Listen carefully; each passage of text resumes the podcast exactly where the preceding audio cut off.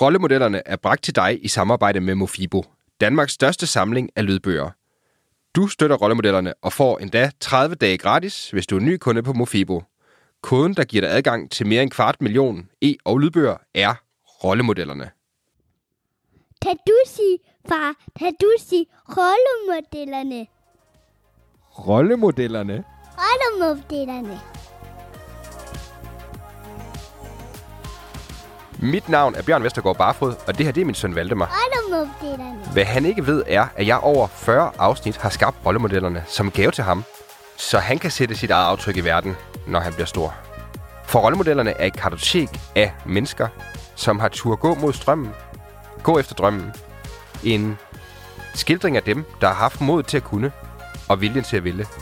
Selv har jeg lært uendelig meget af mine samtaler undervejs, uanset om gæsten var Martin Thorborg, Lars Seier eller Mia Wagner. Og jeg håber, at du, kære lytter, også vil lære af gæsternes erfaringer og strategier. Læn dig tilbage og lad dig blive forbløffet, berørt og måske vigtigst, inspireret. Velkommen til Rollemodellerne. Her starter du med den bedste inspiration. Jeg skal lige starte med at undskylde, hvis det er sådan, at jeg lyder som om, jeg har haft gang i at ryge et par kartonger grøn Cecil her til denne her introduktion til øh, Bærtalk episode 10 med Mads Fagholdt Jørgensen. Sagen er simpelthen den, at jeg har haft mistet min stemme de sidste par, de sidste par dage, og øh, det har jo simpelthen øh, kriblet så meget i mig for at komme øh, ud med den her episode, så jeg har simpelthen valgt øh, at tage den lidt uperfekte løsning, og så må I høre lidt på en øh, lidt mere ro stemme end sædvanligt, fordi nu kan vi simpelthen ikke vente længere. Jeg har glædet mig rigtig, rigtig meget til den her Bærtalk episode 10 med med Mads Faghold Jørgensen, fordi Mads er en super, super inspirerende fyr, og jeg vil godt indrømme, at det var faktisk en smule uden for min komfortzone i det hele taget at hive fat i Mads. Jamen, simpelthen fordi på det tidspunkt, hvor jeg stod fat i Mads første gang, der havde jeg ikke udgivet særlig mange episoder af Bærtalk. Dog kunne jeg fornemme, at Mads han øh, ville rigtig, rigtig gerne snakke om hans nye bog, iværksætterbogen, som han har skrevet sammen med Lars Tvede, og derfor tænkte jeg, hvis ikke man tager en chance, så får man aldrig nogen med. Så jeg øh, skrev til Mads, og han var heldigvis super frisk på at komme med i Bærtalk, og det er der kommet en meget, meget, meget god episode ud af, hvor vi blandt andet snakker om at træne sin hjerne til at knuse problemer, til at bygge store virksomheder, men også om de mange rollemodeller, vi har i Danmark. Derudover er Mads jo kendt for hans store personlige effektivitet. Det kommer vi selvfølgelig også til at snakke om, og komme med nogle konkrete ting til, hvordan du bliver mere effektiv i dit liv. Mads har også haft nogle rigtig succesfulde og meget rige mennesker øh, inde på livet. Og øh, vi kommer til at snakke om, hvad er det for nogle hemmeligheder, de har lært ham omkring øh, produktivitet og hvordan man bygger virksomheder. Og øh, jeg vil ikke sige så meget mere andet end øh, rigtig, rigtig god fornøjelse og øh, spænd sikkerhedshelen, for de kommer til at gå rigtig, rigtig stærkt. Episode 10 med Mads Fagerholdt går i gang nu. Rigtig, rigtig god fornøjelse. Hej Mads, og velkommen til Bear Talk. Hej. Det er en fornøjelse at have dig, og jeg har glædet mig rigtig meget til interviewet. Tusind tak, for at jeg måtte komme. Jeg er sikker på, at vi også skal få et kongeinterview. Mads, øh, man kan sige, at du har opnået usædvanligt meget i din karriere allerede. Det er ikke mange 32-årige, der kan prale af, at de har øh, haft så mange succesfulde startups, som du har. Øh, og det er jo i sig selv er enormt inspirerende. Jeg vil faktisk godt gå et smut tilbage med mit første spørgsmål og høre. Er der noget i din egen barndom, der har motiveret dig, eller givet dig et skub, kan man sige, i forhold til det her med at forfølge din drøm så meget, som du har gjort? Øhm, Ja, altså øh, det er der på mange måder. Øhm, altså jeg har fået en enorm kærlighed i, i forhold til der jeg kommer fra. For nylig var der en artikel i børsen, som omhandlede, at jeg som dreng lærte at, at samle flasker, og det skal jeg nok komme tilbage til. Men der var en, der skrev på denne her artikel, som skrev en kommentar på nettet, som skrev og sagde, nu skal han ikke få det til at lyde, som om man har haft det hårdt og alt muligt andet. Og det har jeg på ingen måde haft det. Min mor er socialrådgiver, så det var ikke fordi, vi havde penge på den måde. Mine forældre var skilte. Men jeg havde så sindssygt meget kærlighed derhjemmefra, som gjorde, at lige meget hvad jeg var blevet i hele mit liv, så skulle de, ville de elske mig mindst lige så meget. Og det er jo en enormt dejlig ting at komme, for det betyder også, at hvis jeg fejler en dag, så er jeg heller ikke særlig bange for det, fordi min familie står der stadig. Øhm, de har aldrig puklet, puklet særlig hårdt på mig. Det har aldrig været om at få de høje karakterer eller alt muligt andet, som mange andre har haft det. Øh, og, og det tror jeg også, det tidligere del også var præg af, hvor at jeg gik måske mindre op i skolen. Det gjorde jeg først mere øh, senere, da jeg kom ind på CBS og ligesom synes, det var rigtig relevant. Øhm, jeg havde en masse ting, som jeg gjorde. Altså, jeg, jeg var ude og samle flasker ind øh, som ret ung. Øhm, min, min far korrigerede mig forleden og fortalte mig, at det var ikke kun fordi, jeg selv skulle betale for en del af min rejse, som var en ret cool ting, min far implementerede det her med, at da vi skulle til Thailand, og jeg var 11 år gammel, så skulle jeg selv betale 2.000 kroner. Og det har man typisk ikke som 11-årig. Så jeg skulle, ud og, jeg skulle ud og finde en måde at tjene de penge på. Mine forældre havde sådan en del om en, man kan kalde det brugerbetaling, det er jo et upopulært ord her, men det havde sådan en del om brugerbetaling på min side, som at jeg selv skulle betale for noget, så jeg værdsat både oplevelsen, det vi skulle ud på, men jeg også værdsat det, at det er hårdt arbejde, og tingene ikke kommer fra træerne. Øhm, så jeg var ude og samle flasker, og min far var sød nok til at hjælpe med, mig med at bære dem hjem, for det kunne jeg ikke efter sådan en dag ude på Bellevue, hvor jeg samlede dem alle sammen ind, så det var han sød nok til. På et tidspunkt gav min mor mig øh, 4.000 kroner til at købe en computer i følelsesgave. Det var en kæmpe, kæmpe gave. Jeg kunne ikke få en computer for 4.000 af dem, jeg ville have, så der skulle jeg selv hoste op med, jeg tror, 4.000 mere. Men et af de krav, min mor satte i forhold til at købe den her computer for 4.000, det var, at jeg skulle fortælle hende og forklare hende og præsentere for hende, hvorfor det lige præcis var den computer, jeg ville vælge, som jeg gerne vil vælge. Og det betyder, at jeg skulle ud og lave en masse research. Jeg skulle ikke bare gå ind i en butik. Jeg var ude i 20 butikker eller sådan noget. Jeg var inde og ude og samle. Jeg var inde og spørge, stille dem spørgsmål, så jeg kunne forklare det videre. Så jeg skulle næsten stå foran min bestyrelse, som var min mor, for at få lov til at købe den her øh, computer. Og det betyder selvfølgelig, at jeg ikke bare tog det her igen for givet øh, med pengene og købene, men også at jeg lærte at researche ting, som jeg også bruger meget i dag, inden jeg bare træffer en beslutning omkring noget. Og det har gjort mig både forsigtig i forhold til køb, men det har også gjort, at jeg er relativt analytisk i forhold til de ting, jeg lavede. Da jeg var øh, tror det var 9 år gammel, eller sådan noget, der, øh, der hjemme hos min mor, der havde jeg øh, noget, der hedder, at man skulle selvfølgelig hjælpe til, men hvis jeg hjalp til med en masse forskellige ting, så kunne jeg tjene 5 kroner for det ene og 5 kroner på det andet. Og der var en gang, så da jeg var 9 år gammel, hvor jeg, øh, jeg pjekkede fra skole, jeg lå som om jeg var syg, det tror jeg måske alle sammen, vi har prøvet, jeg har prøvet det med de fleste. Og så da min mor kom hjem slutningen af en dag, så fik hun en regning på 72 kroner, for det, det var det, jeg havde tjent som 9 år på at lave alle de der ting. Så jeg bare brugt hele dagen på arbejde derhjemme i stedet for at lave de ting. Jeg sad typisk nede ved uh, det lokale busstopsted og, og solgte nogle varer. Uh, hvad hedder det? Jeg kan huske på et tidspunkt, min, min, sted, min tibollefar uh, startede noget, der hed Galla Jessen, og uh, uh, han var Dalle Galledelen af Galla Jessen. Og øh, det betød, øh, den, den fabrik og den øh, virksomhed blev desværre solgt undervejs, men det betød på et tidspunkt, blev jeg inviteret ud på Gala Jessen til sådan en rundvisning på det tidspunkt, hvor det stadig lå ude på Vimshus Runddel. Og så fik jeg sådan en kasse med af slik, øh, som, jeg, øh, som, som var rigtig dejligt. Alt muligt forskelligt slik, fordi vi havde været i familien. Og øh, der var der, der 99 procent af det spiste jeg ikke, eller kunne jeg ikke lide, eller var i hvert fald for meget for mig. Så der satte jeg mod på, på Frederiksberg, øh, lige ude Frederiksberg, øh, øh, hvad hedder det, øh, kommunen derude, og lige ude ved øh, Rådhuset. Og så bagved er der et loppemarked, så sad jeg og solgte alt det der slik på loppemarkedet på en lørdag. Jeg elsker at sælge ting på loppemarkedet, det er simpelthen min yndlingsting. Og det tror jeg også i dag, jeg har. Jeg elsker den der minimalistiske ting, ikke er eje ting. Så jeg tror, jeg har fået rigtig meget kærlighed og support. Jeg tror, jeg har prøvet en masse ting, da jeg var ung. Men det er en fod foran den anden. Jeg blev ikke bygget op til at bygge, lave de ting, jeg lavede i dag. Jeg ville ikke have troet for bare tre år siden, jeg ville lave det i dag, jeg laver i dag. Og for tre år før det, ville jeg ikke tro, jeg lavede det på det tidspunkt. Så det er en masse held, og så prøve nogle ting og sådan nogle fejltagelser. Fedt. Det lyder jo også virkelig som noget, der har, givet dig rigtig meget, det der med, at du også selv har skulle værdsætte tingene på en anden måde. Det er noget, som, øh, som, som mange kunne lære af, vil jeg sige, i ja. forhold til det. Ikke? Jo. Øhm. Og jeg fik jo muligheden, det var ret sjovt, da min, min far var journalist inde på, uh, inde på DR, Øhm, men ikke på grund af det. det, det på et tidspunkt var der nogen, der skrev, så det ekstrablad, der skrev, at jeg fik et job på DR på grund af min far. Det gjorde jeg faktisk ikke. Han, han kendte slet ikke, øh, den, han var på P4, som er Københavns Radio. Han var på en lille lokal radiostation, eller relativt lille lokal radiostation, og jeg kom ud og lavede noget på, på DR på tv. Så de kendte ikke hinanden, men det min far han gjorde, det var, han spurgte, om jeg havde lyst til at komme ind for tv og radio. Og så sagde jeg ja, og så lavede vi et CV, det var øh, nok egentlig ret plat, fordi jeg skrev jo bare om, hvem jeg var, og hvad fanden kan de bruge til det, når de sidder og til en film. Men det sendte vi så rundt til min far og jeg, kopierede dem så, og øh, vedlagt billeder og alt muligt. Det sendte vi så rundt til, jeg vil sige, 200 kaster og reklame det ene og det andet i Danmark. Og igennem det, jeg fik en lille bitte rolle i Bryggeren, for, hvor jeg fik lov til at sige en replik. Øhm, det var ret sjovt at gøre. Jeg var meget tæt på at blive få hovedrollen i en film, der hed Dykkeren. Faktisk øh, kom jeg igennem de første tre runder, og så var det mig og en anden tilbage, han hed så Robert Hansen, han fik så rollen. Men, da jeg, men, men da, jeg så, da jeg så fandt ud af, at det var en af de sidste runder, der gik jeg totalt i panik, og gjorde det så dårligt. Altså, jeg, kunne, jeg havde været meget afslappet, mens jeg tænkte, der var så mange mennesker, der var hundredvis til at starte med. Og så endte jeg så inde øh, på DR, gav dem så mulighed for at blive børnereporter. Øh, så, så betød jeg, at jeg skulle interviewe en masse folk, ligesom du gør nu med mig. Øh, og en masse voksne mennesker. Så tidligere fik jeg så lov til at, øh, at være med i studiet og, og være studievært derinde sammen med en, en fyr, der var meget ældre end mig. Øh, og så kom jeg til at lave radio med min far på et tidspunkt, som man fik pitchet igennem til dem derude.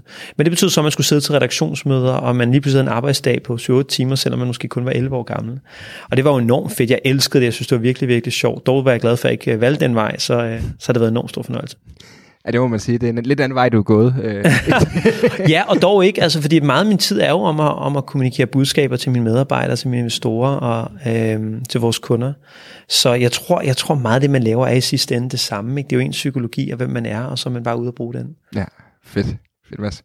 Øhm, jeg har hørt dig på et tidspunkt nævne en ret sjov historie, øhm, som jeg godt tænker mig at høre dig fortælle med, at du øhm, kommer hjem her, ret mig hvis jeg tager fejl, i 2006 øh, til dine forældre øh, på grund af, at øh, du har en vurdering, vurderet, at boligmarkedet er simpelthen øh, overpriced. Mm. Øh, og så, du ved, du har sælget selv din egen lejlighed, og du får dine forældre til at sælge deres lejlighed. Mm. Kan du fortælle, hvordan den historie går, og øh, hvad sagde dine forældre til, at du kom hjem der, og du ved? Ja, jeg tror, jeg tror, det var 2005 faktisk. Vi var lidt tidligt på den. Jeg tror, vi eksekverede på det i 2006, men øhm, det skal så siges, i 2003, der sidder jeg, øh, der arbejder på det tidspunkt i Viasat, der har en masse øh, øh, medarbejder derude. Og så en fyr, der hedder Senai Solomon. Senai, hvis du lytter, så husk, at du skylder mig penge. Nej, så hvad hedder det? Så, så, så han skal til at lege en lejlighed. Og så siger jeg til ham, hvis du kigger på, hvad det koster at lege en lejlighed, i forhold til de omkostninger, der er ved rente, og faktisk også på det tidspunkt inklusiv fradrag ved at eje en lejlighed, så var det meget, meget dyrt at lege en lejlighed. Det var et meget billigere boligmarked dengang. Og det gav rigtig meget mening. Det vil sige, at det at lege var dyrere end at eje. Så sagde til ham, jeg synes, du skal købe i stedet for. Og det gjorde han så, og endte så med at tjene en del penge på den. Øhm, og jeg havde så på det tidspunkt selv min egen lejlighed. Jeg havde en, en andelslejlighed, som så øh, steg en masse værdi, og mine forældre havde nogle, en ejerlejlighed. Øhm, på et tidspunkt ændrede det billede sig så. Lige pludselig blev det meget dyrere at eje en bolig, end at lege den ud. Så du kunne måske lege du kunne måske låne penge på det tidspunkt til 4%, men du kunne kun få 2% yield, det vil sige, du kunne få 2% afkast. Så det vil sige, det er meget dyre at eje end at lege mange siger, men det er jo ejer, hvis man ejer, så stiger den jo værdi. Det kan godt være, at den gør, det kan også være, at den ikke gør. Det er der ikke nogen forudsigelse for. Det, det, vi skal en meget længere finansiel forståelse for, hvorfor faktisk ejendomsmarkedet er sted, som det er, som handler om at en generelt inflation, som er faldet, en rente, der er faldet, og en, en pumpe af penge, der er sket. Men, men der sagde vi bare, at det, hvis det er billigere, så meget billigere at lege, øh, end det er at eje, øh, og ejeren tager en masse risiko på sig, så giver det ikke rigtig nogen mening. Øh, og så mente, vi, øh, mente jeg så, at det ville, det ville falde på et tidspunkt, men det ville over, overvurderet. Så var jeg så halvandet år for tidligt. Det var så lidt ærgerligt, øh, fordi man kunne tjene mere, men det er svært at time det helt perfekt. Øh, det, er jo, det er jo lidt der, hvor vi er henne igen nu. Altså i min lejlighed i, i London, øh, der hvor dem, der ejer den, de får et afkast på 1%. Jeg vil fandme ikke investere i noget til 1% afkast. Altså 1% afkast for at tage et risiko på pundet, for at tage en risiko på en engelsk økonomi, for at tage en generel boligrisiko for det 1% afkast. Så der synes jeg, hvis der er nogen, der synes, det er sjovere at eje, end jeg gør, det var det, øh, det var det samme med Line Line, da jeg solgte den virksomhed, som jeg solgte for 100 millioner kroner her øh, for 6 måneder siden. Der var der en ejer, der syntes, den var mere værd, end jeg gjorde, så måtte jeg sælge den. Hvis, hvis dem, der leger til mig, synes, det er, det er meget mere værd at eje, end jeg gør, så kan de få lov til at eje, så leger jeg gerne, gerne for dem. Og det tager den ikke en emotionel betragtning højde for den selvfølgelig, men jeg tager bare den rent logiske betragtning, som en finansiel betragtning i det. Og der er ingen tvivl om, at hvis alle mennesker i Danmark og i verden synes, det vil være den bedste investering at eje, så allerede der siger min hjerne, så er der jo et eller andet galt. Fordi hvis markedet siger det, så må det alle, jo, så må det alle banker, alt det eneste, vi overhovedet skulle investere i, hvis markedet per definition siger, er, at vi skulle alle sammen putte alle kroner, vi har ind i ejendom, ikke? Og det kan jo heller ikke betale sig. Hvorfor ikke det? Nemlig fordi markedet går i cykluser, og det betyder ikke, at markedet ikke kan være mere værd om 10 år eller 20 år. Det betyder bare, at på det vejen der til, skal det nok gå ned, og der er en masse mennesker, der kommer til at gå bankerot, og det vil helst ikke være en del af. Så jeg sidder glad på penge i dag, og jeg sidder og venter. Du sidder glad for din øh, guldkiste. Og ja, nu Lars Tvede har talt mig ud af, at man ikke skal bruge guld, så øh, jeg sidder og redder kontanter. Hvad, øh, Mads, hvad, hvad sagde dine forældre, da du sådan kom hjem? Altså, jeg tænker, hvis jeg, jeg ved, hvis, jeg, hvis jeg selv kom hjem til min mor, hun sådan kigge, du, du er sindssyg, ikke? Altså, det siger måske mere om mig, men... Øh. Jamen, min mor, min mor specielt om noget har altid været enormt støttende for mig, og har altid betragtet mig tror jeg, på vidensdelen som enormt voksen. Jeg har faktisk, det har faktisk altid været utroligt for min mor, for hun har taget alt, hvad vi samtaler om, meget, meget seriøst. Om det har været forhold, om det har været politik, eller hvad det end har været. Så det, det er faktisk, øh, det er meget interessant, jeg har ikke tænkt over det, før du stillede spørgsmålet, men ja, hun har altid været rigtig, rigtig fantastisk, og er stadig i dag fantastisk til at tage alting meget, meget seriøst. Om vi taler om de ting, hun ved meget mere om end mig, så tager hun mig som en total ligevægtig til den samtale. Og det betød, at hun lyttede, og hun lyttede til den mening, og hun kunne også godt se det på det tidspunkt. Og så solgte vi så, vi var faktisk lidt overeksponeret, vi havde to lejligheder på det tidspunkt, øhm, og, og fik solgt det hele. Og så, så gik det ned, og det var en meget god affære for dem. Det må man sige, det var god timing.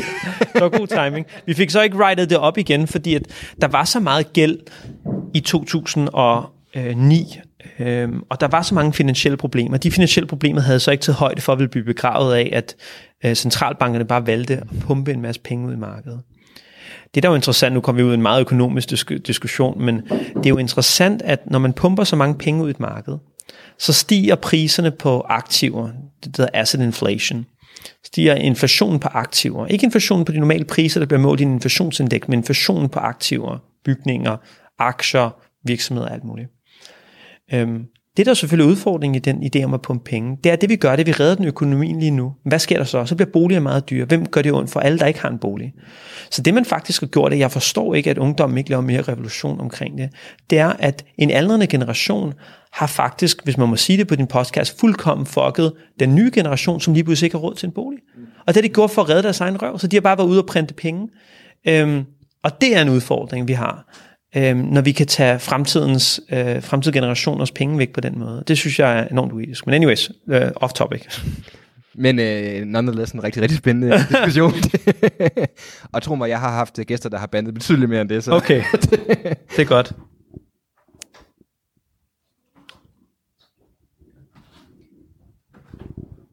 Yes.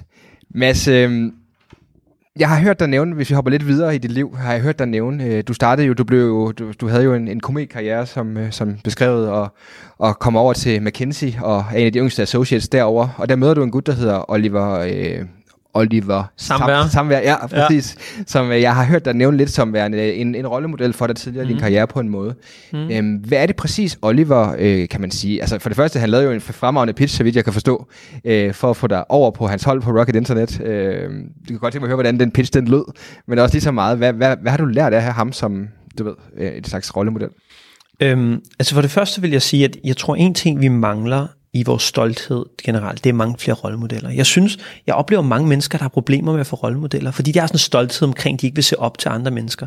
Jeg ser op til sindssygt mange mennesker.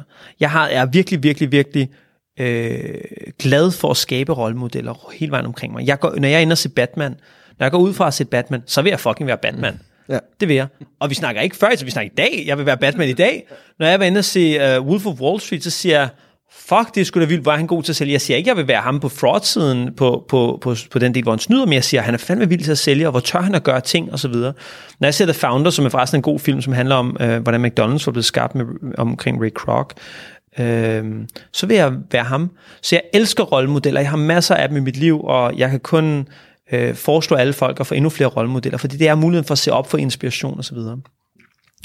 Da jeg kommer på telefonen første gang med Oliver Samvær, så siger han til mig, nu får du øh, et par minutter til at fortælle om, hvem du er, og så vil jeg give dig et tilbud til dig, hvor du ikke kan sige nej. Det var egentlig hans pitch. Ja, og så fortalte jeg et par sekunder, og så fortalte han øh, om, hvorfor jeg skulle komme, og så fire dage senere sad jeg på et fly til Japan. Det var sådan nogenlunde, som det fungerede. Men det var 10 minutters samtale alt i alt. Det var 10 minutters samtale fra, jeg, han siger hej til telefonen til første gang, jeg snakker med ham, til 10 minutter senere til at sige ja til at joine virksomheden. Og det er ret interessant, fordi så siger man, jamen det er jo no-brainer, men jeg, jeg har haft de samtaler meget ofte med folk, hvor de ikke hopper på. Og faktisk finder jeg det meget svært. Folk har sådan svært ved, at det kun er 10 minutters samtale. Så jeg har prøvet at gøre det samme, men øhm, det er ikke alle folk, der har min, øh, øh, der deler min, min lyst til at tage risiko på den måde. Øhm, men han var, han var sjov, han havde sådan meget tysk han har en meget tysk gang sammen. Men Oliver var ret utrolig, for der, der møder ham. For det første betragtede han aldrig sig selv som værende rig, og Oliver har i dag, han er vel mit gæt er 10 milliarder kroner værd, eller sådan noget, uden at vide det. Måske 5 milliarder kroner. Øhm, men han betragter aldrig sig selv som rig. Jeg kan huske på et tidspunkt, der var vi i USA, hvor vi lavede en masse jobinterviews derovre. Rigtig, rigtig mange. Vi lavede øh, 1500 jobinterviews med folk, ham og jeg, på 10 dage. 10 minutter per person, 6 morgen til 2 nat. Så en, en aften, hvor vi, eller morgen, hvor vi så har været gået i seng klokken 2 om natten, øh, fra at lave interviews hele dagen. Vi har haft et par 100 interviews den dag. Så klokken 6 har vi et fly, så vi er altså op klokken 4 igen, efter at have gået i seng klokken 2. Klokken 6 sidder vi ude i flyveren, ude i, uh, ude i, uh, ude i lufthavnen, og på vej til, til at flyve fra New York til San Francisco. Og der går vi igennem business-klassen, og det er altså alligevel en 6 timers flyvetur fra New York til San Francisco, så det ville være dejligt, når man ikke rigtig har fået noget søvn at flyve business class. Men det gør vi ikke, vi flyver økonomi. Så går vi ned igennem business class, og så på et tidspunkt så kigger jeg på Oliver, så siger jeg, er det ikke ironisk, øh, siger på engelsk til ham, er det ikke ironisk, at den rigeste person på flyet flyver økonomi? Og så kigger han rundt, og så siger han, hvem? Oliver betragtede ikke sig selv som rig, og det synes jeg var ret fantastisk. Så han betragtede aldrig sig selv som at have penge, selvom han havde alle de penge i princippet, var det værd. Og det tror jeg både, by the way, beskriver tyskere ret generelt, eller i hvert fald mange tyskere, som er ret gode til at betragte, men beskriver også ham. Den konstante sult for at opnå og for at gøre mere i verden. Øhm, han øh, var enormt disciplineret om at gå dybt, er enormt disciplineret om at gå dybt med hans virksomheder. Så når han sidder og, og i Groupon i sin tid, da han kørte det, da han rejste rundt til de 45 lande, For det første sov han aldrig. Han sov kun i flyver mellem lande. Så han ville lande klokken 6 om morgenen, og så ville han være færdig klokken midnat, og så ville han flyve videre til det næste sted, så han kun sove på flyveren. Han var helt ekstrem omkring hans soverytme. Han spiste meget lidt, fordi at spise tager alt for meget energi for en. Øh, så han sikrede sig, at han kun spiste det, kroppen havde brug for, frem for at vi overspiser jo generelt i dag som mennesker. Øh, men så startede man klokken 6 om morgenen. Typisk ville han starte med, at vi hentede ham i lufthavnen, fordi så kunne man snakke undervejs, så spildte han ikke den tid, eller også ville han have kandidater til jobs, der mødte ham i lufthavnen. Og så når kom ind, så det er ikke sådan, at han bare siger, hvordan går det, Bjørn, i virksomheden? Han vil så sige, okay, hvordan gør du det her? Når du så har sagt, hvordan du gør det, så går han ud og tager en eller anden tilfældig af dine medarbejdere, som laver det, og så siger han, spørger han dem, hvordan gør du det? Ikke? Og det er meget sjældent, når jeg sidder og sælger til ham, hvad jeg gør, hvordan de så vil svare det samme. Så kigger han bare på en, og så ved man godt, at man har fucket op, fordi at man, det, han lige, lige sagde, at man ikke gjorde præcis det, man sagde. Ikke? Så han lærte en, man skulle ikke bullshit med ham, men også, at han var så detaljeorienteret. Han gik så meget ned i detaljerne. Jeg blev nødt til at gå ned i detaljerne, og så blev det næste nødt til at gå ned, nødt til at gå ned i detaljerne. Og så lige pludselig var vi en enormt detaljeorienteret virksomhed. Og det var en helt exceptional til. Og så den der selvdisciplin om at gøre det, for det er jo meget nemmere at komme ud og bare hygge sammen tale med folk. Det er meget sværere at faktisk gå så dybt i det. Det var en utrolig god til. Og mange flere ting. Det, jeg kan sige, at, at, at, at det, det er, den disciplin er jo helt øh, beundringsværdig ekstrem, i ekstrem grad, ikke for meget. en, der er så succesfuld som han er. Ikke? Altså, ja. Det øh, meget, meget, meget imponerende, må man sige. Du nævner lidt, øh, Mads, øh, det her med, øh, at apropos gode film og så videre, med The Founders og McDonald's. Jeg har hørt dig nævne flere gange ind i, forhold til McDonald's, at, at, at du har for det første arbejdet, der har haft mm. en rigtig god øh, oplevelse med det. Mm. Hvad er der egentlig med dig og McDonald's? Hvad er det med mig McDonald's? Altså, jeg skal, det, er jo, det er jo, altså, Øhm, ja, jeg har arbejdet på McDonald's. Jeg arbejdede i, øh, jeg skulle til at sige, den bedste, nok den værste McDonald's, man kunne arbejde på, en lå på Blågårdsgade. Øh, og der prøver man alt fra at blive spyttet i hovedet af en eller anden person, som synes, man prøver folk, der prøver at stjæle for kasseapparatet, men de kigger der direkte i øjnene. Det var, en, det var en meget sjov affære at være der. Man prøvede folk, der gik ind og tog nogle kanyler inde på, på toilettet. Man prøvede lidt af hvert. Det var en interessant McDonald's at vælge som, som startkarriere. Den, den eksisterer heller ikke i dag, blev lukket af. jer. øh, jeg tror for mange problemer med, med området. Øhm, og, øhm, men det var en interessant sted, fordi når man starter McDonald's, så... Du har ikke arbejdet med McDonald's, vel? Jeg har ikke arbejdet med McDonald's. Nej. Så kan jeg fortælle dig og alle lytterne derude, så kan jeg fortælle, at man, når man øh, øh, salter pomfritterne, så er det ikke tilfældigt. Man salter den faktisk i et M, ligesom McDonald's M'et. Hvordan ved jeg det? Men det er fordi, der er en video, der forklarer, hvordan man gør det. Der er sådan en gyldent M, meget, meget corporate i det. Øhm, og McDonald's er enormt god til at levere et struktureret arbejde, som perfektioneret hele verden over. Hvis man ser det McDonald's-filmen, lærer man også en masse omkring, øh, altså den der hedder The Founder, så lærer man en masse omkring det system, som de har. Men McDonald's handler for mig om at bygge processer, øh, om at strukturere arbejde, og så hele tiden finde måder at gøre det bedre på. Det er egentlig det, og så rulle en proces og struktur ud i hele verden, der gør, at du får den samme menu, hele verden, den smager stort set ens. Og det synes jeg er helt exceptionelt. Så når man bygger og skalerer en virksomhed, så handler det om at bygge de processer, og som jeg kalder det, at, kalder det at McDonald'isere det, altså bygge de processer, så alle kan være med, så bygge træningsmaterialet, så man kan få det derud. Det, det, det, det, er, det er ret spændende, det er jeg sikker på, at vi også kommer ind på senere. Ja. øhm, Bare lige for at give lidt baggrund til vores lyttere, så har dig, Lars Tvede, jo skrevet en øh, fantastisk bog i mine øjne. Øh, iværksætter, hvor at, øh, ja, som, som titlen antyder, snakker om iværksætteri. Mm. Øh, det skal vi til at snakke lidt om nu.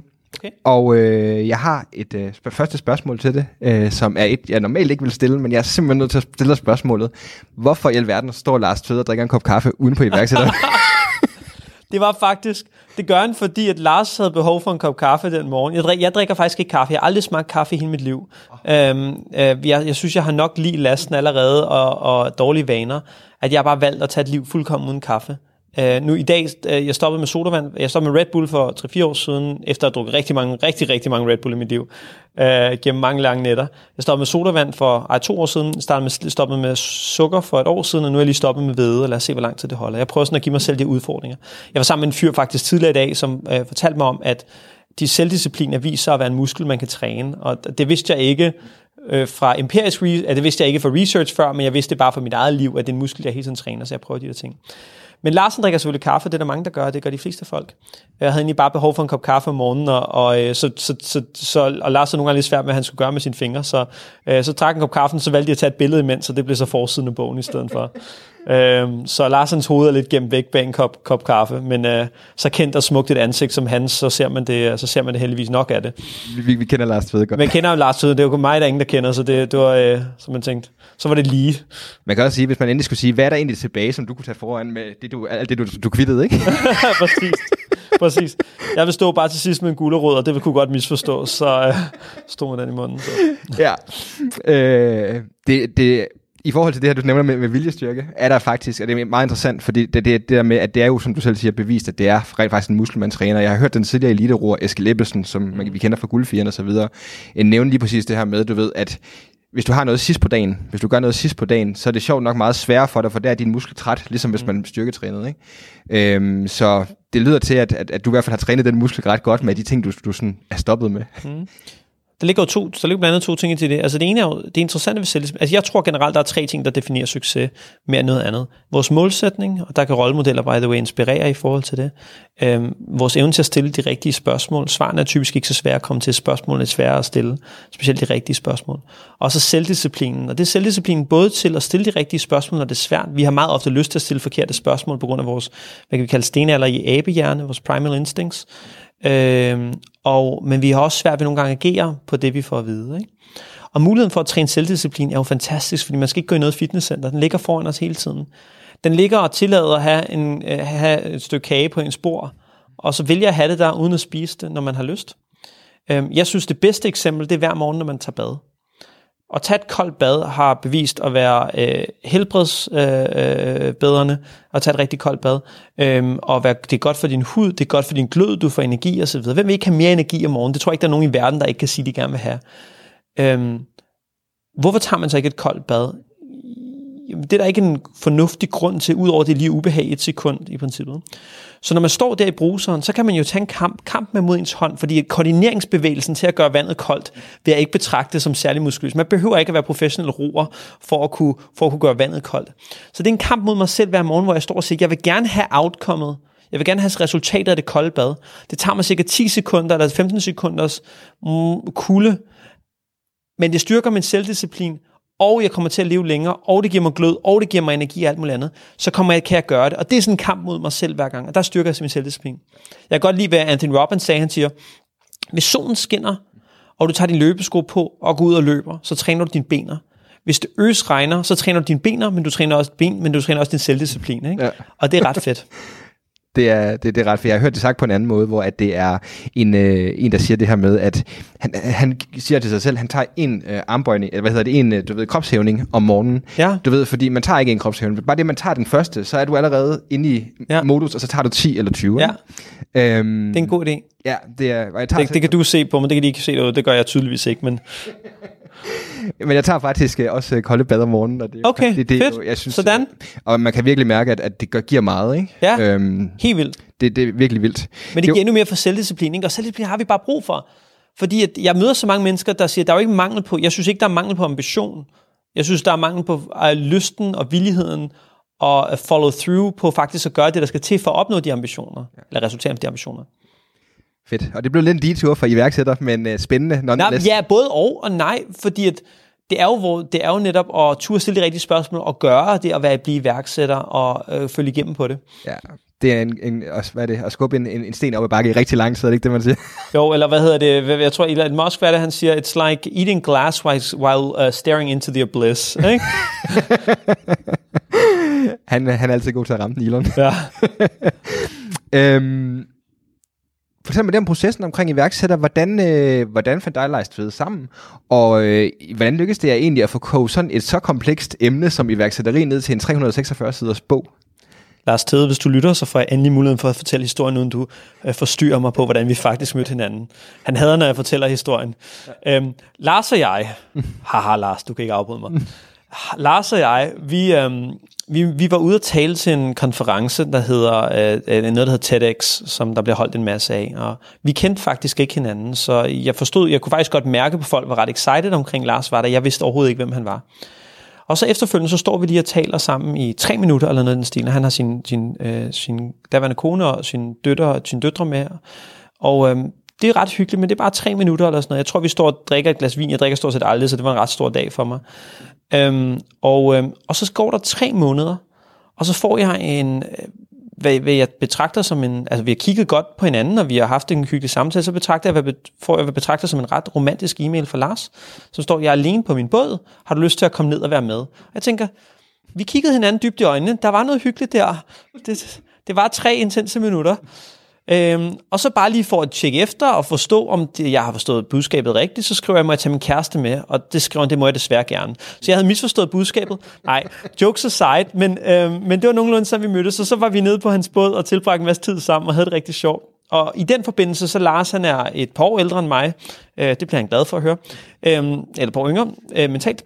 Øh, nej, Lars og jeg, vi, er, vi, vi føles meget aldrende, øh, samme aldersgruppe. Han er en lille smule ældre, men, øh, men på trods af, at vi har startet virksomheder i alt fra ejendommen til, han har lavet satellitkommunikation, han har importeret græske kager, øh, vi har lavet rekruttering, vi har lavet alt muligt forskellige finansielle virksomheder. Så på tværs af alle de virksomheder er læringerne det samme. Og det må betyde, at der er en proces og en bibel, der kan laves uden for det at lave virksomheder, på lave det til et leksikon. Og det var egentlig det, vi besluttede os for at lave. Det var at lave den bog, som vi selv ville købe. Og så sagde vi, for det første tjener man ikke lige meget om, nu er vores blevet en nummer et på bestsellerlisten på tværs af kategorier osv., men på trods af det tjener du ikke en skid på det. Vi tjener mere på en dag, end vi har tjent, tjener totalt øh, på den her bog, ikke på normal arbejdsdag. Men øh, vi har opfrisket alt vores viden, og så har vi haft mulighed for at gøre en forskel for andre. Det er egentlig det, vi har håbet på. Det, øh, og det lykkedes godt, vil jeg sige, i forhold til det. Jeg synes, ja. den er virkelig, virkelig god, Mads. Ja, tak. Øhm, jeg vil sige haha igen, Lars. Du afbryder mig ikke uden for at fortælle historien. Der er en grund til, at vi ikke... der er en grund til, at vi ikke inviterer Lars med. Ja, det... præcis.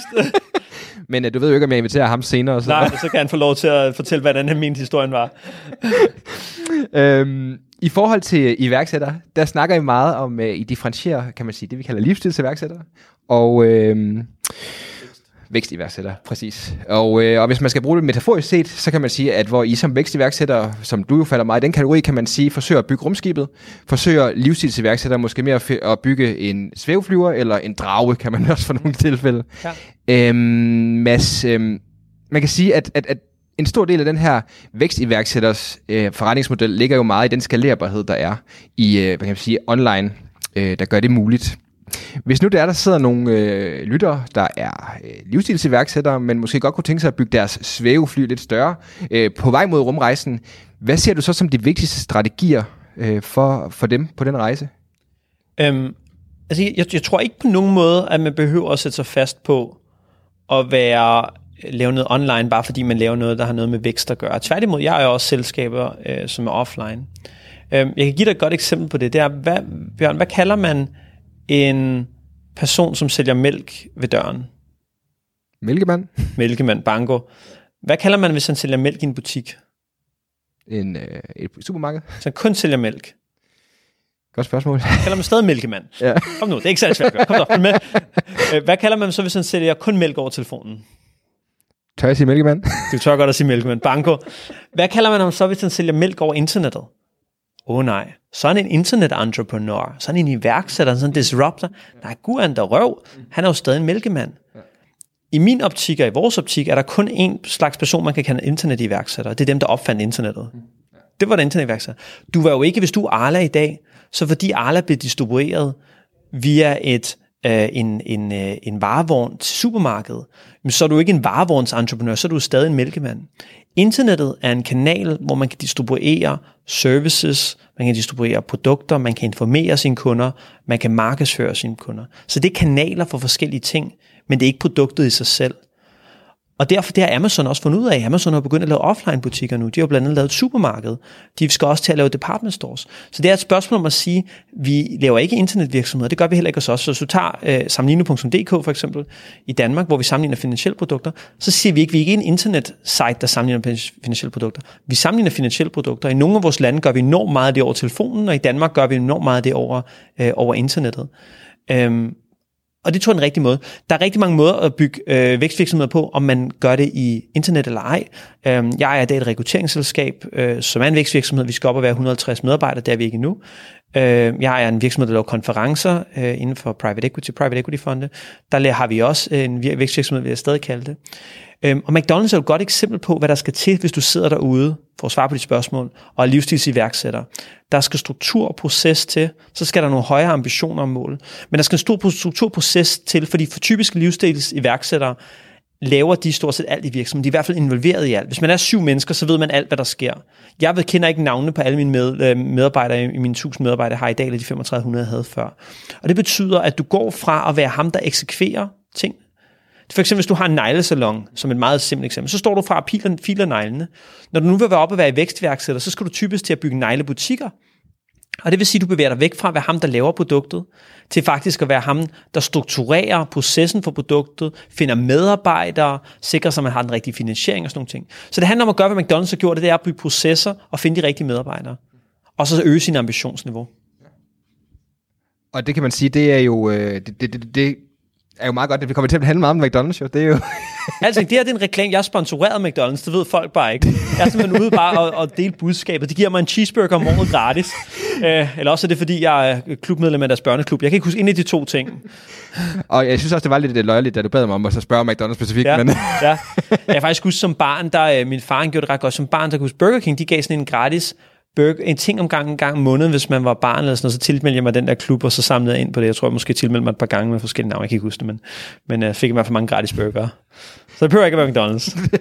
Bare nogle burger, det er okay. Masser af åben for. ja, præcis. øhm, Mads, øh, for at komme lidt tilbage til iværksætteriet igen og, og bygge virksomheder osv., så selvfølgelig nogle rigtig skarpe pointer i forhold til det her med øh, distributionskanalen, ikke nødvendigvis gør det til en vækstvirksomhed, øh, hvad hedder det, vækstiværksætter eller ej. Og du nævner det her med, at der er noget systematik og noget øh, proces, der, der ligger i det, som, som man skal have styr på. Selvfølgelig også nogle meget store ambitioner. Øhm, jeg kan ikke være med at tænke på, at man kan sige, at i forhold til det at bygge en, en, en stor virksomhed, det handler også rigtig, rigtig meget om eksekvering. Øh, det har jeg også hørt dig sige ved, ved flere lejligheder. Og det virker, virker det til på mig til, at du er enormt dygtig til øh, i dine virksomheder at finde den rigtige talentmasse øh, og, øh, og finde nogen, der, øh, der er rigtig dygtige. Hvad er din strategi for at finde medarbejdere til dine virksomheder? Altså for det første, øh, nu skal jeg ikke sige, jeg, det er svært at sige, at jeg er dårlig, fordi så sidder nogle medarbejdere derude og siger, at de er jo pisse seje, og jeg har gjort det rigtige. Men mit, det rigtige svar er nok, at jeg kan blive meget, meget bedre til det. Og jeg kan, om noget, så vil jeg sige, at vi har meget gode medarbejdere, men jeg skal blive endnu bedre til at vælge den rigtige medarbejder til den rigtige position. Jeg tror, at alle medarbejdere i verden er gode, hvis de kommer ind i en rolle, hvor de er inspireret, hvor de får mulighed for at bruge deres, øh, deres styrker til noget. Øh, og så glemte jeg dit spørgsmål. øh, spørgsmålet går på, hvilke strategier bruger du, kan man sige, både i forhold til at bygge den her vinderkultur, fordi når man har et startup, som du ved, ja. I har startet så mange af, det er jo, man er nødt til at have en kultur, hvor man er også mod verden, ikke? Jo. Og øh, selvfølgelig også at så finde de rigtige, øh, de rigtige medarbejdere. Hvad, hvad, hvad gør du for at, at skabe den her vinderkultur og altså, fastholde de medarbejdere? Altså for det første er der jo en, er der en god, øh, der er godt engelsk saying, der her hedder, a fish stings from the head en fisk stinker for hovedet, ikke? som handler om, at øh, man egentlig bare skal vise vejen først og fremmest. Jeg tror meget på det, jeg vil kalde Braveheart leadership. Så hvis man nogensinde har set filmen Braveheart, så forskellen på William Wallace, som Mel Gibson hedder i den, og den engelske konge. Den engelske konge, han sidder bag en masse linjer og sidder og flager øh, i forhold til, hvem folk skal gøre, og Mel Gibson render forrest. Ikke? Og vi, vi tror meget på det der med at rende forrest, og tør at stå på et kontor og være med til at samle IKEA-møblerne og vise vejen den vej rundt så er det rigtig vigtigt, at man sætter høje forventninger til folk. Øhm, jeg tror ikke på, at man får en, øh, jeg tror ikke, man får en pris for den bedste ledelse, hvis man gerne vil lave Real Madrid.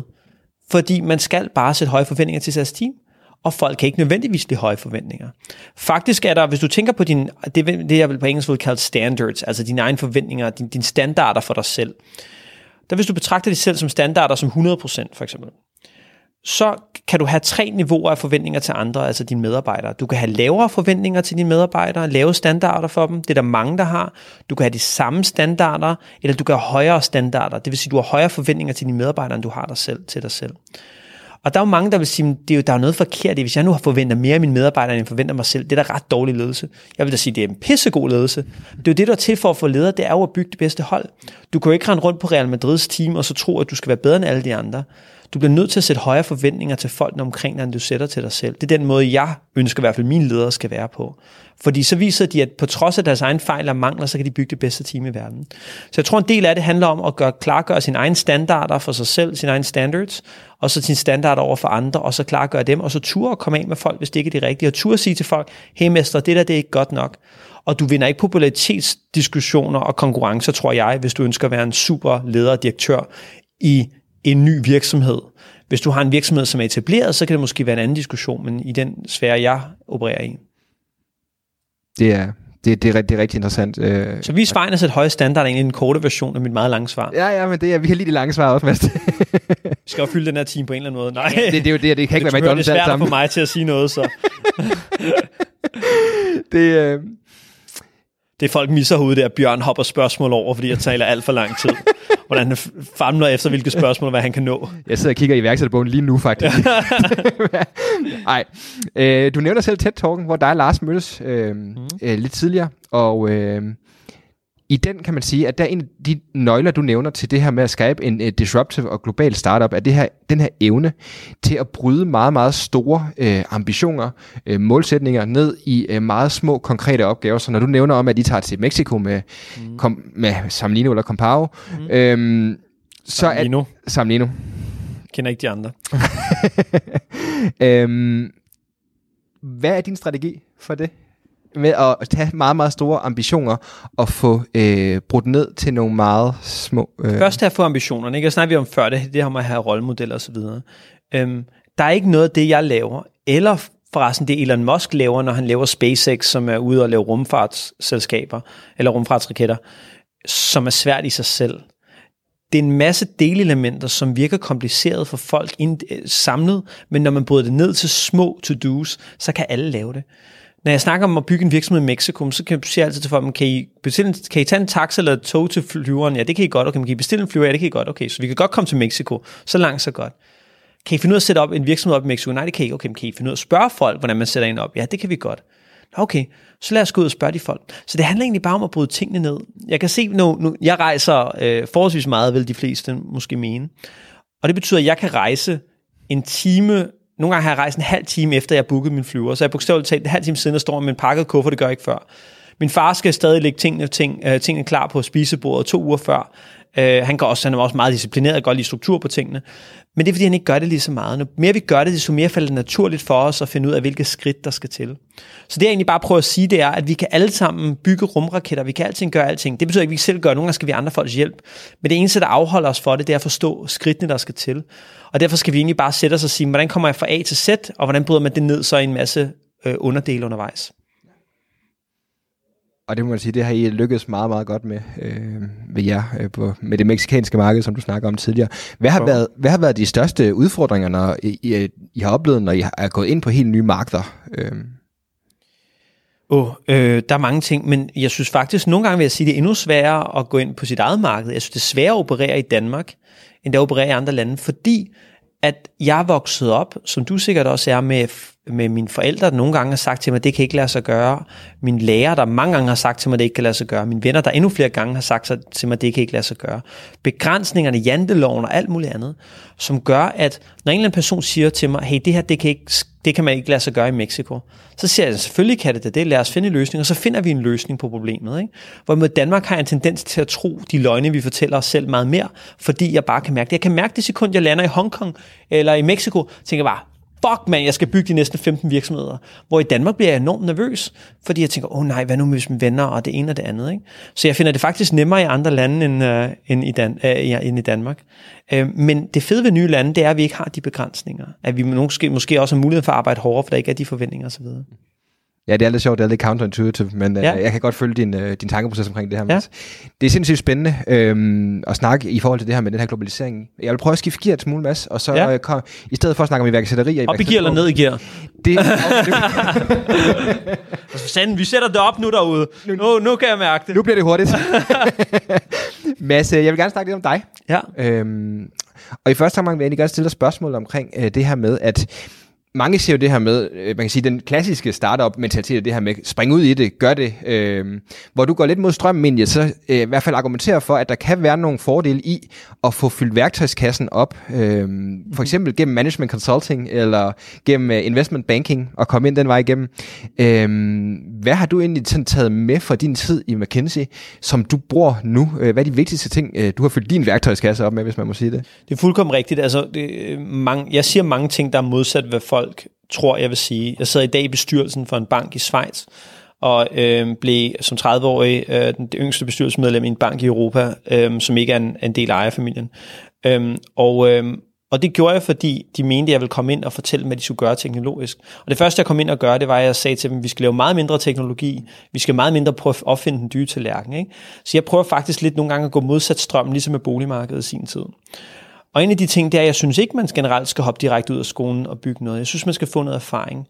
Der må være et tidspunkt i ens liv, hvor det er det rigtige tidspunkt at starte en virksomhed. Og jeg tænker bare, at når man aldrig har prøvet at være på en rigtig arbejdsplads, burde man ikke bare lige give den to-tre år efter universitetet, hvor man bare lige kommer ud og får en følelse, nå okay, det er sådan, at de gør det. Så dumme er virksomheder altså heller ikke, at de ikke har fundet ud af noget undervejs. Ikke? Så kom ud og få lidt erfaring, om det er så McKinsey eller et andet sted. Grunden til, at jeg synes, at McKinsey og Goldman Sachs, og der er en længere liste af virksomheder med de to gode eksempler, grunden til, at jeg synes, at de to virksomheder er helt exceptionelle, og specielt McKinsey, det er, fordi McKinsey lever af at træne folk internt. Det vil sige, at de tager en person ind, som ved 0 og niks, og så håber de på, at han kan blive partner og vide rigtig meget og charge sindssygt meget for sin tid. Og det betyder, at McKinsey egentlig lever af at uddanne sine medarbejdere. Det er jo sindssygt fedt. Så det betyder, at McKinsey modsat, hvis du kommer ind i en organisation, og så siger de bare, nu øh, står du skal levere det der arbejde, vi vil gerne have, at du leverer det der arbejde, vi vil gerne have, at du leverer det der arbejde de næste 30 år. Så er McKinseys rolle og håb, det er, at du leverer bedre og bedre arbejde, det gør de via uddannet. De investerer så mange penge i at uddanne medarbejdere, det er helt sindssygt. McKinsey er en exceptional organisation på det punkt, og har så meget erfaring i at uddanne folk. Og derfor synes jeg, det er rigtig godt sted. Der er Goldman Sachs nogenlunde det samme, altså på den måde, at de ønsker ikke, at du bliver som analyst, de ønsker, at du bliver øh, managing director en dag, og det gør de kun ved at give dig exposure, altså give dig muligheden for at prøve en masse ting, sidde med til møder, lære en masse. Så jeg, jeg synes jo altid, det er sjovt, når, det er jo det samme, vi prøver at gøre, men jeg synes altid, det er sjovt, når folk tænker, om McKinsey eller Goldman betaler meget eller lidt, så tænker jeg altid, om du betaler for en MBA, du burde jo i princippet i min optik betale McKinsey og Goldman for arbejde. Jeg forstår ikke, at McKinsey ikke charger for folk for at arbejde der i to år. Det burde være to år, så øh, skal man betale McKinsey, ligesom en MBA, det koster 100.000 dollars, og så efter de to år, så kan det være, at de begynder at betale en. Ikke? Det synes jeg var en færre model, de ville gøre det. Men jeg lærte at løse problemer og stille spørgsmål. Det var det, jeg lærte. Det, var, det vil sige, når man siger, hey, øh, hvordan ekspanderer vi, øh, hvad hedder det, hvordan øger vi salget? Så de to ting, du kan gøre, det er, at du kan sælge nye produkter til samme kunder, eller du kan sælge flere produkter til eksisterende kunder. Undskyld, du kan sælge, undskyld, jeg prøver lige igen. Du kan sælge øh, samme produkt til flere kunder, eller du kan sælge øh, hvad hedder det, flere produkter til samme kunder. Ikke? Og det er sådan en meget normalt framework, men det er at bryde tingene ned i kasser, og så finde ud af, hvordan man skal ekspandere. Øhm, og det der med at løse problemer ved at strukturere det og bryde det ned i kasser, det er det, jeg altid prøver at gøre. Hver gang vi står for en udfordring, siger hey, vi kan ikke lige vokse her øh, på den her marked. Hvad kan vi gøre? Og så går jeg hen til min McKinsey-hjerne igen og så siger, lad os lave de fem kasser på de forskellige muligheder, vi har. Så lad os finde ud af, hvad der er nemmest at gøre, og hvad der har den højeste impact, og så lad os rangere det på forhold til det.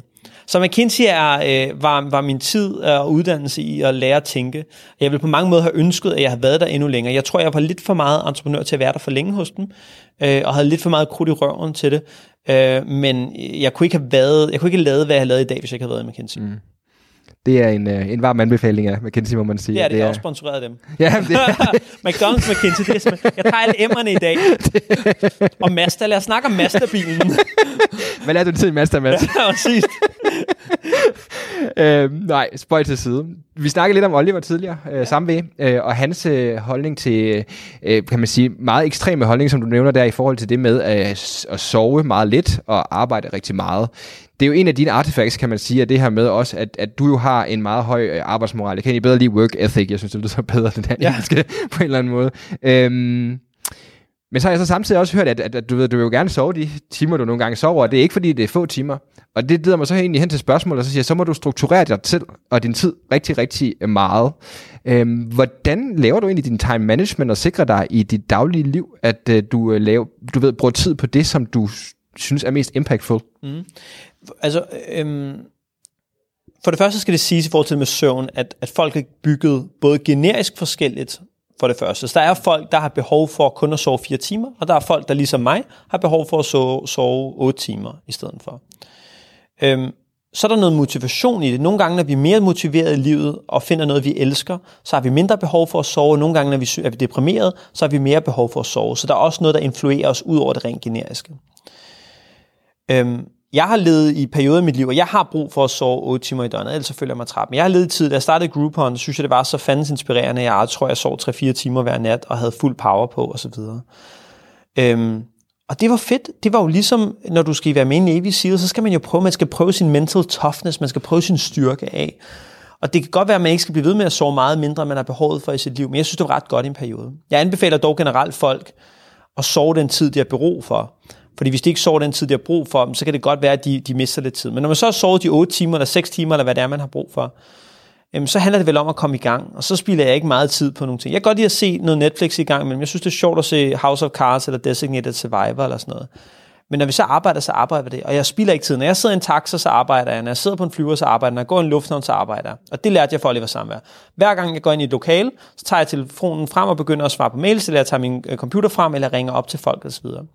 Derudover prøver jeg at være ret struktureret, så jeg prøver at gennemgå mine virksomheder hver dag, og så prøver jeg at sige, hvad er det for nogle bottlenecks, vi har. Faktisk det at, at, at, at vokse en virksomhed handler i mange omgang, i mange, øh, på mange måder bare egentlig om at finde bottlenecks hele tiden. Hvad er det for nogle flaskehalsproblemer, vi har, og så få løst dem. Så tænker jeg igennem, så siger jeg, okay, Compound Guru i Mexico, hvad er det for nogle flaskehalsproblemer, vi har? Så sidder jeg lige og brainstormer omkring det. Så tager jeg den næste ting, så tager jeg den næste ting, og så tager jeg den næste ting. Jeg giver mig selv en del tid til at tænke, faktisk. Hvor enten sidder jeg i et tomt lokale, eller hvor jeg sidder med et stykke papir og en blyant, og så sidder jeg bare og tænker over, hey, hvordan vokser vi i den her virksomhed? Og så prøver jeg at, at bryde det ned i at sige, hvad er det for nogle ting, der driver os? Og så prøver jeg at finde problemet den vej. Og så stiller jeg sindssygt mange spørgsmål til folk omkring mig. Jeg elsker, jeg har masser af mentorer, jeg har masser af rollemodeller, jeg har masser af fede kollegaer i min virksomhed, som jeg hele tiden spørger om spørgsmål. Og nu har jeg placeret dem på hinandens bestyrelse også, så de kan give endnu mere input, og de kan få den her bestyrelsesmindset også. Mm. Er det noget, du sådan, øh, ah, hvad kan man sige, afsætter tid til, sådan scheduler tid til at sidde og tænke? Øhm, ja, det gør jeg. Altså, jeg har været bedre til nogle gange. Et rigtig, godt, øhm, rigtig god model generelt, det er, øhm, vi arrangerer tid til møder. Det er meget sjældent, vi arrangerer tid til at lave ting. Så en rigtig godt trick er, lige meget hvad, øh, bør man hver, hver søndag bør man lige kigge på sin kalender igennem og forstå, hvad man har for ugen, så man sikrer sig, at alting er på plads osv. Men et rigtig godt trick, der kan anbefales, det er, at man faktisk blokerer tid til de opgaver, man har. Så siger man, øh, mandag klokken 9, 8-9, der skal jeg lige lave den der rapport til færdig. Så blokker man det ind i sin kalender. Så øh, 9-9.30, der skal jeg tænke, der skal jeg prøve at løse de her problemer osv. Så, så ja, det gør men, men min hjerne øh, kører hele tiden på at tænke. Mm. Kunne du godt tænke dig at blive bedre til at tænke, Bjørn? Mm. Det kunne jeg godt tænke mig, Mads. Okay, så hvad er det at tænke? Det skal de tænke lidt over. det er jo interessant. Jeg normalt, når jeg er ude at tale, så spørger jeg altid folk, kunne du godt tænke dig at blive bedre til at tænke? Og det siger alle jo ja til. Alle folk rækker hånden op. Så spørger jeg, hvad er det at tænke ligesom til dig? Og så bliver folk helt stille. Vi ved ikke, hvad det er at tænke, men vi vil gerne blive bedre. Hvordan kan vi blive bedre til noget, vi ikke kan definere? Det er ret svært. Så vi kan ikke arbejde konstrueret, øh, konstrueret på det, fordi vi ikke forstår det. Det at tænke, det er det at gøre to ting. Stille og besvare spørgsmål. Så når jeg siger til dig, hvad er det at tænke, så siger du ind i dit hoved, hvad er det at tænke, og så prøver du at finde et svar på det spørgsmål. Det vil sige, at vi har to ting, vi skal blive bedre til. Vi skal blive bedre til at stille det rigtige spørgsmål, vi skal blive bedre til at besvare spørgsmålet rigtigt. Hvad tror du så er mest vigtigt? Tænke. Jeg tænker, hvad tror du er mest vigtigt? At stille det rigtige spørgsmål, besvare det rigtige spørgsmål? Stille det rigtige spørgsmål. Stille det rigtige. Hvorfor? Det tvinger, mig, det tvinger jeg til at, at, at frame det for sig selv, ikke? Jo, men det er også fordi, der er en godt gammel engelsk saying, der siger, ask and you shall. Ja, receive. Receive. Fordi spørgsmål skaber retning. Mm. Det fungerer ligesom, jeg tror, det hedder skyklapper på heste, blinkers, ikke? Du kan kun få et svar på det spørgsmål, du stiller. Og der er gode spørgsmål, gode spørgsmål, og der er dårlige spørgsmål. En ting, jeg kan fortælle til alle dine kære dejlige lyttere derude, det er, nu har jeg mødt en del milliardærer mm. rundt omkring i verden. Mm. Og en ting, de alle sammen har til fælles, det er de spørgsmål, de stiller. De stiller aldrig spørgsmål, der putter dem som et offer, men de stiller meget ofte spørgsmål, der putter dem i kontrol. Hvis en medarbejder kommer ind ad døren og siger til mig, hey Mads, den der måde, du kørte møde på, det var fandme ikke særlig godt. Så kan jeg jo godt stille et spørgsmål, der hedder, hey, hvorfor er han sådan en klap idiot? Ikke? Mm.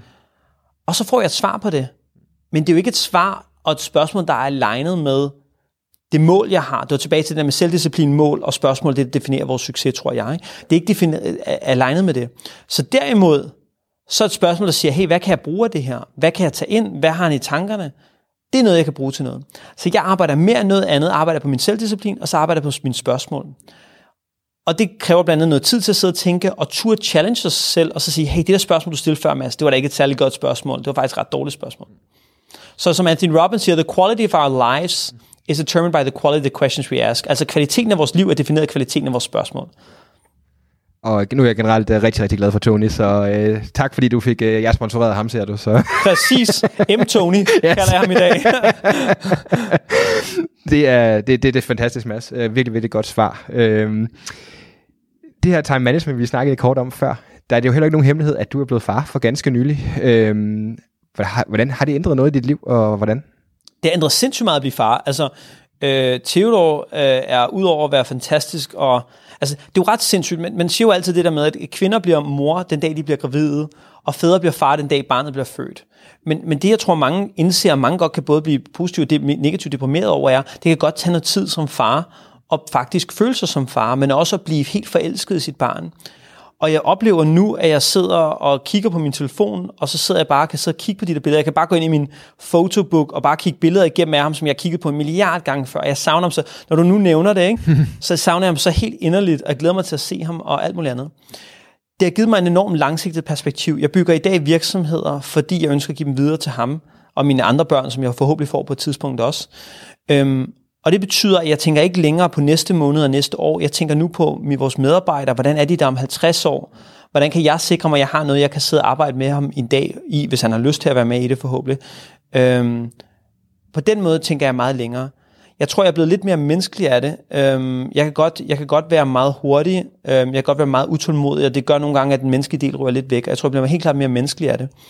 Øhm, men det gør mange ting ved en. Altså det gør bare en fantastisk glad. Og det gør i princippet også, at jeg ved, at her er en fyr, som så længe jeg giver ham kys og kram og kærlighed, så elsker han mig lige meget hvad, lidt ligesom mine forældre. Ikke? Mm. Og det er jo altid dejligt at vide, fordi at alt det her andet er jo bare et sjov. Og det er jo bare et stort spil i sidste ende, det at bygge virksomheder og mange ting i vores liv. Vi er jo så heldige, vi er jo født under den rigtige stjerne af at være befødt i Danmark, at det er jo bare en leg. Vi sidder og kæmper, om vi skal have den nyeste iPhone, ja eller nej. Det er jo luksusproblemer, vi har de fleste af os. Der er jo selvfølgelig nogen, der ikke har det, men rigtig mange af os har det. Så, så øhm, det at barn er bare det mest fantastiske i verden for mig. Jeg kunne ikke være mere enig. Fantastisk, det kan jeg se på øhm, billedet, der er på bordet. Præcis. Mads, øh, jeg har lige sådan de sidste to-tre spørgsmål, ja. som vi vil hoppe ud i. Øh, har du sådan en øh, speciel morgenrutine? Øhm, det har jeg. Øhm, Altså, øhm, nu, det jeg har fundet ud af, det er, jeg, jeg, kan ikke, jeg kan ikke gå fra kontoret. Øh, øh, for det første har jeg øh, blevet nødt til at gøre op med mig selv, jeg ikke kommer til at blive en perfekte far. Jeg kommer ikke til at vinde nogen pris for det. Øh, men jeg vil gerne prøve at være der lige så meget, øh, eller nogen lige så meget som perfekte fædre. Det betyder, at lørdag og søndag er jeg 100% far. Jeg laver ikke særlig meget andet. I løbet af ugen, så øh, skulle jeg lige finde ud af den rigtige rutine for mig. Og den rutine for mig er, jeg kan ikke gå hjem fra arbejdet klokken 4 eller 5 eller 6, ligesom nogen gør i Danmark. Det fungerer bare ikke. Jeg arbejder til midnat, som udgangspunkt 11 midnat eller 1 om natten.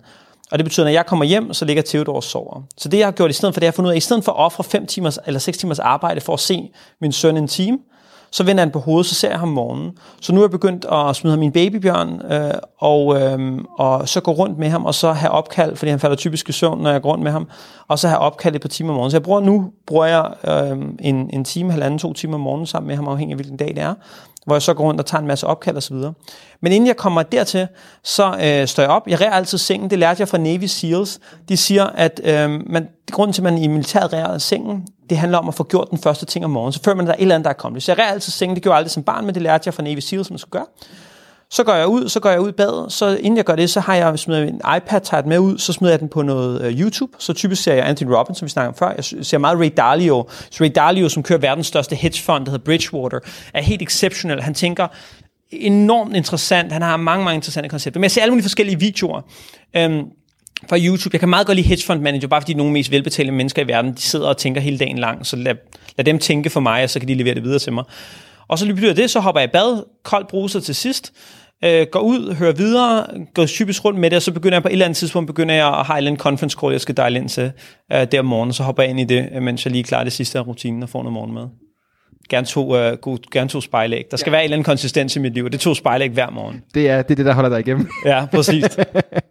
øhm, hvilken bog har du givet oftest til andre mennesker, Mads? Øhm, Udover iværksætter, den er faktisk ikke givet til nogen, den er folk skulle nej. Øhm, i, altså, øh, den, den, øh, den anden bedste bog i verden, synes jeg, er uh, The Hard Thing About Hard Things, som er skrevet af Ben Horowitz som er øh, en fantastisk bog, som omhandler, hvordan Ben Horowitz, som i dag har en Jason Horowitz, som en af verdens førende venturekapitalfonde, som handler om, hvordan han byggede sin virksomhed. Og det, den egentlig mest af alt handler om, det handler om, hvordan en enormt succesfuld mand havde ikke andet end problemer på vejen til at bygge en succesfuld virksomhed virksomhed, og hvordan han fortsatte igennem det, og hvordan han overlevede det. Og så kommer den igennem en masse af de ting, som er svære, blandt andet om, hvorfor vi måske ikke skal være, hvad vi kalder den perfekte leder i Danmark, men hvorfor vi måske skal være en anden type leder, i stedet for faktisk for at skabe resultater. Og det synes jeg er enormt godt. Jeg synes, han, han han tager en masse ting ind, som faktisk er svære.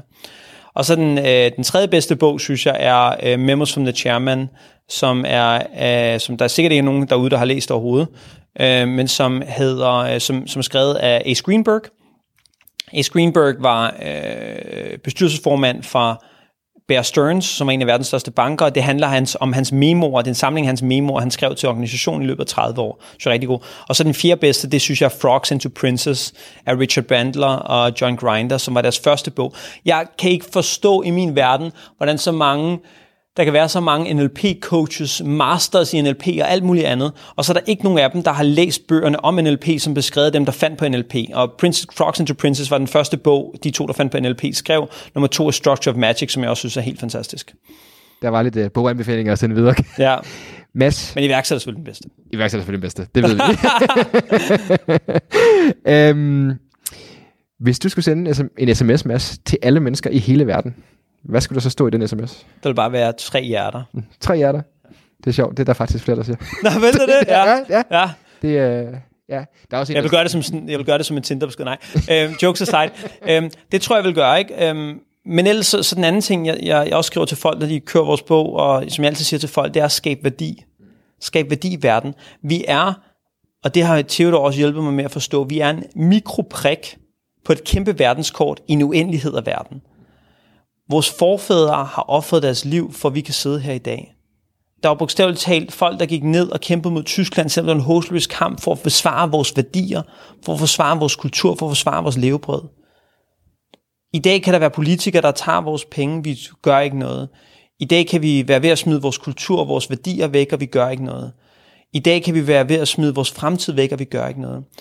I dag kan folk i deres ramme alvor, og nu skal jeg ikke komme ind på politik, men jeg forstår ikke, hvordan en aldrende generation kan ikke kan indse, at alderen bliver ældre for folk, og derfor skal pensionsalderen forøges. Hvordan kan man sidde og have lyst til, at ens børn skal tage slæbet, fordi man gerne vil tidligere på pension? Jeg kan simpelthen ikke forstå det.